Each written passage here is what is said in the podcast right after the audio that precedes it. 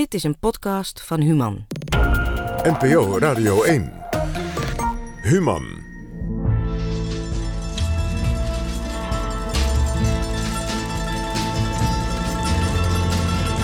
Brainwash Radio met Stefan Sanders. Ze is schrijver, bekend van haar boek De Consequenties... en verbaast zich in haar maandelijkse column voor Brainwash Radio... over groot en klein nieuws. Nia Weijers, Nia, wat, wat is je dit keer eh, opgevallen? Ja, pulpnieuws en frauderende journalisten eigenlijk. Ehm, ja, het was een berichtje in de kranten afgelopen week. Uh, websites met pulpnieuws worden veel massaler gelezen en geliked op Facebook dan erkende nieuwsmedia. Nou, een groot onderzoek aan de Universiteit van Leiden had dit aangetoond. En um, volgens de onderzoekers is pulpnieuws um, uh, nieuws van lage journalistieke kwaliteit, waarbij geen eigen onderzoek wordt gedaan, geen fact-checking en veel wordt geknipt en geplakt uit andere media. Dus net weer iets anders dan fake news, maar mij lijkt dat de grenzen erg poreus zijn. Um, ja, het lijkt me ook verder niet dat deze uitkomst nou heel erg mag verbazen. Uh, wat mij wel verbaasde, is dat websites als viraaltjes.nl en dagelijkse video's überhaupt worden vergeleken met nieuwsmedia. Ik vind het althans moeilijk te begrijpen hoe berichten als zeven spannende standjes waar je onmogelijk zwanger van kunt raken en goud, bereken hier hoeveel kamelen jouw vriendin waard is, als nieuws kunnen worden bestempeld, zelfs met de aanduiding pulp eraan voorafgaand.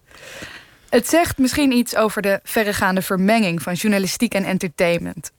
We, consumeren nieuws als entertainment en nieuws wordt ook vaak als zodanig gepresenteerd. Kwaliteitskranten zetten al jaren in op lifestyle, bijlagen, moderubrieken en verslaggeving van persoonlijke verhalen om de krimping van het lezerspubliek zoveel mogelijk in te perken. Websites als nu.nl, door dat Leidse onderzoek trouwens ook meegenomen bij de erkende media, uh, lokken lezers door altijd groot in te zetten op dramatische verhalen en persoonlijk leed. Zo konden we recentelijk uh, dagelijks lezen over de Spaanse peuter. Ik denk, dat je het uitspreekt als Gulen. Um, die in een 25 meter diep boorgat was gevallen. Steeds weer updates over die reddingsactie, het tunnelgraven, dokters aan het woord om een licht te laten schijnen over de waarschijnlijkheid dat de peuter nog in leven was. Nee, dat was hij natuurlijk niet. Dus kon er uiteindelijk bericht worden over een begrafenis en een massale steunbetuiging. Dit is misschien nieuws, maar niet het soort nieuws waarvan je ook maar iets leert over de wereld. Behalve misschien op metaniveau.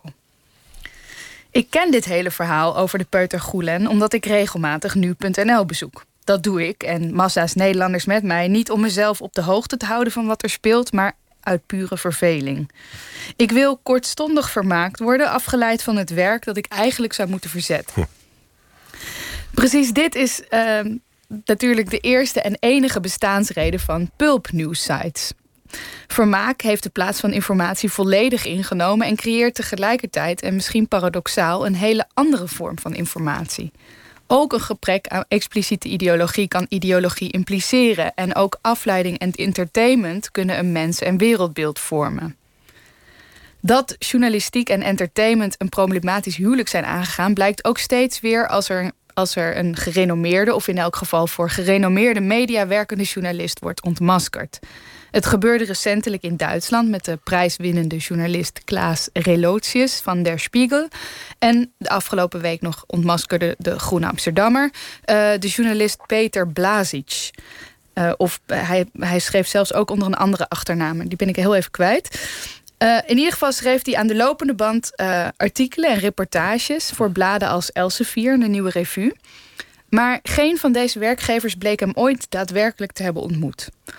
Op de website van het Vlaamse tijdschrift Knak stond bij zijn profiel tijdenlang een door hem geleverde stokfoto van een model. Hij werkte met talloze niet verifieerbare bronnen, vaak alleen bij de voornaam benoemd. Een greep uit zijn onderwerpen: de Italiaanse maffia in Nederland, spionage, Russische inmenging, Syriëgangers, rechtsnationalistische au pairs, drugsmokkel, mishandeling van mannen door vrouwen en dit is mijn lievelings eigenlijk, jonge vrouwen die uit feministische overwegingen meisjesbendes oprichten. Hm. Nou, zo, zulk grootschalige fraudeer zegt niet alleen iets over het narcisme van zo'n journalist of de blindheid van de betrokkenen, maar ook over de onstilbare honger van redacties, van het lezerspubliek, naar groteske, wilde verhalen. Als nieuws een vorm van afleiding is, een manier om verveling in te vullen, de tijd sneller te laten gaan, dan moet het voortdurend prikkelend zijn, vol van intrige en emotie. De, de verhalen hoeven niet waar te zijn, dat worden ze vanzelf, bij iedere klik een beetje meer. Dankjewel, Ninja Weijers. En ik vond het een hele stoere coming-out... dat jij dus uh, klikt op nu.nl. Dat heb je toch maar nu hardop gezegd. Ja, maar even voor de duidelijkheid... dit is dus geen pulpnieuwsite. Oh, dit is erkend. ja, dit is erkend. dit is okay. erkend, maar nee, media. ik, ik, ik denk dat bijna iedereen...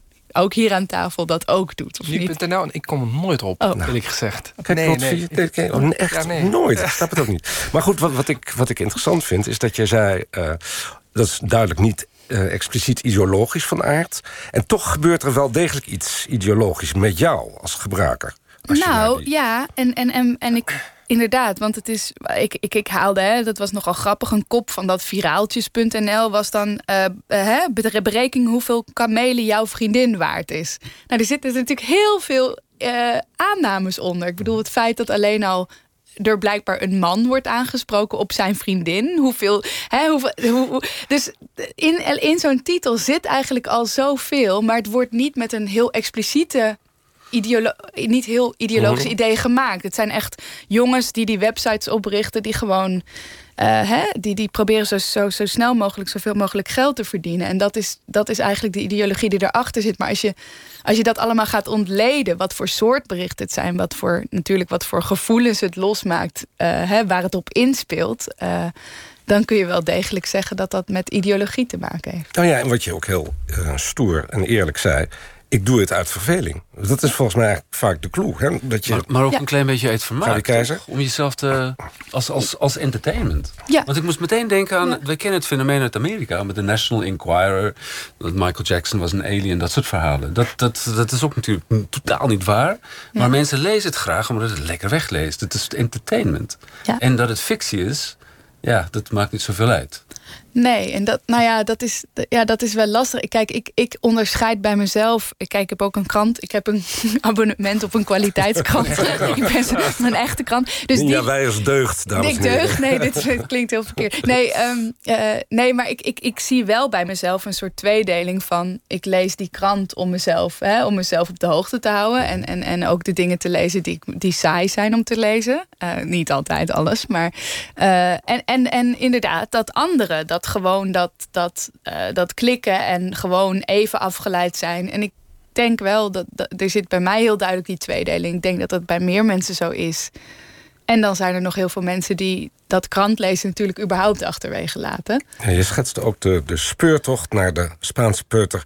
Ik weet, jij zegt Goulen, ik dacht. Julen. Maar goed, maar in ieder geval dat jongetje. Ja. Eh, van uur tot uur was het live op de voet te volgen. Heel speculatief was het ook. Artsen die elkaar tegenspraken. Eh, artsen die natuurlijk ook helemaal niet wisten... wat er met het jongetje was gebeurd. Eh, en het, het lijkt te beantwoorden aan een behoefte. Namelijk dat je nieuws als een soap Ja. vertelt. Als een, Ja. echt een, een, feuilleton. Als een, als, als, in, Maar in het gaat- afleveringen. Het gaat wel heel erg ver, hè, tot de lijkwagen aan toe. Mhm. Dat is toch wel, ik bedoel, is, bestaat er zoiets als privacy dan helemaal niet meer? Denk, vraag ik mezelf dan soms af. Nou ja, ik denk ook, Lotfi, dat eh, juist omdat ze allemaal het goede willen, namelijk dat jongetje redden, dat alles geoorloofd is. Dat het ongeveer zo werkt. Nou ja, en het is vanuit nu, ja, vanuit nu.nl, die hebben natuurlijk ook, die plaatsen er ook gewoon serieuze berichten op. Maar die Mhm. doen dit natuurlijk heel duidelijk om, om mensen te blijven lokken naar de website. Dus die berichten van die peuters staan dan heel groot op de website. En alle saaie dingen over Brexit en eh, zo, die staan allemaal wat kleiner. Misschien toch nog even wat meer invloed op ons dagelijks leven zullen hebben. Eh, Ja. De brexit, zal ik maar zeggen. Ja, ja dus, ja, dus, dus inderdaad, je ziet zelfs dat erkende, hè, erkende nieuwsmedia, die, die, die doen hier absoluut ook aan mee, in meer of mindere mate. Maar is dat natuurlijk dat mooie Joods gezegde. Wie één mens redt, redt de mensheid. Dus in die zin kun je ook zeggen, ja, eh, al die aandacht voor Julen, als je dat al niet meer kan opbrengen, snap je wat ik bedoel?